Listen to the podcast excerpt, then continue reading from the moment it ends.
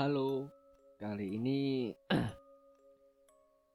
aku mau menceritakan sebuah kisah dari kawan saya bernama Rio. Jadi Rio itu nama samaran. Oke langsung ke cerita.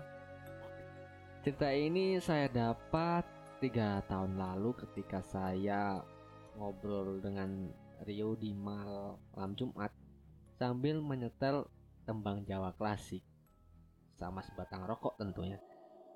Teman saya ini bisa dibilang anak istimewa, di mana Rio bisa melihat makhluk-makhluk tak kasat mata. Rio bercerita pada usianya yang ke-9 tahun, dia pernah dicium oleh seorang kakek-kakek berjubah putih dengan perawakan gagah dan wajahnya yang meneduhkan. Kakek itu berkata, "Kamu Tole yang bakal saya jaga." Kemudian kakek itu pun menghilang. Teman saya berpikir itu hanya sebuah mimpi. Sembilan bulan kemudian, teman saya Rio pindah rumah dikarenakan pekerjaan orang tuanya. Selama di rumah baru, Rio merasakan hal yang tidak nyaman, hal yang asing baginya. Rio sering merasa ada yang memerhatikan, padahal tidak ada orang lain selain Rio, bibinya, dan kedua orang tuanya. Jadi eh, bibinya itu asisten rumah tangganya ya.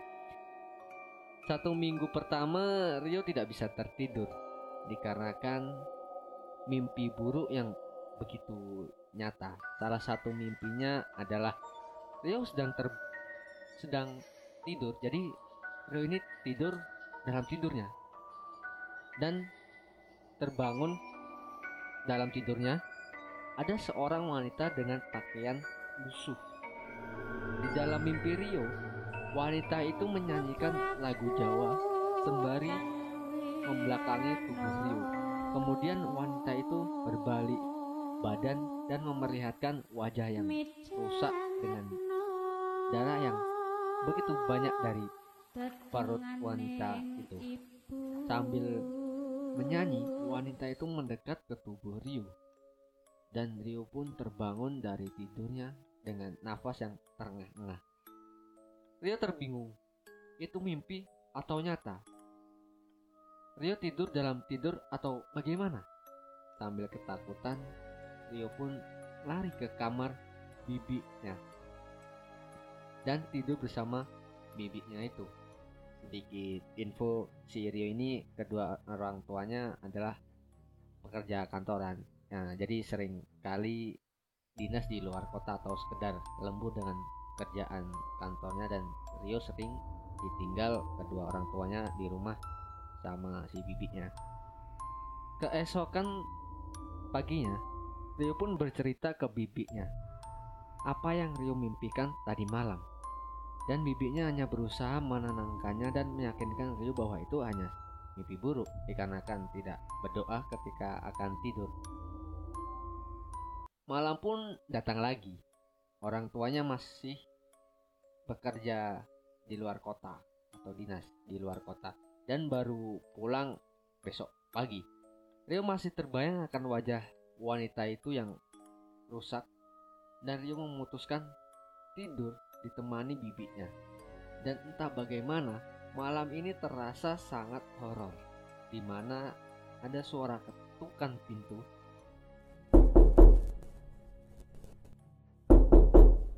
Saat itu hanya Rio yang mendengar.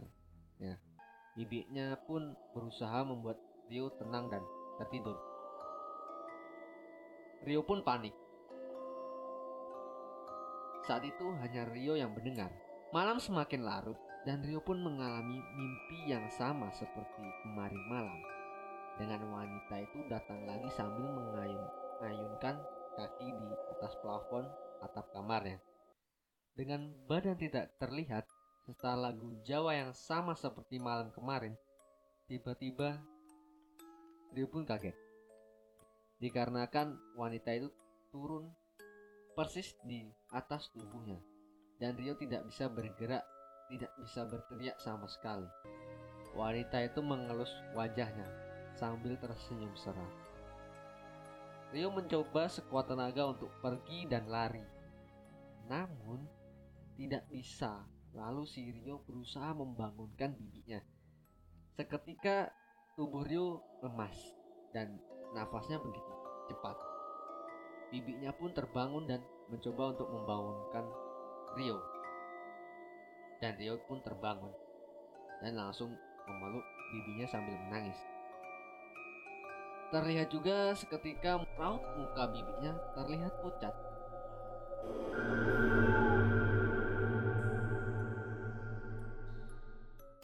Oke, itu kisah dari teman saya Samaran Rio. Kisah ini masih berlanjut, jadi tunggu aja. Oke. midhangetno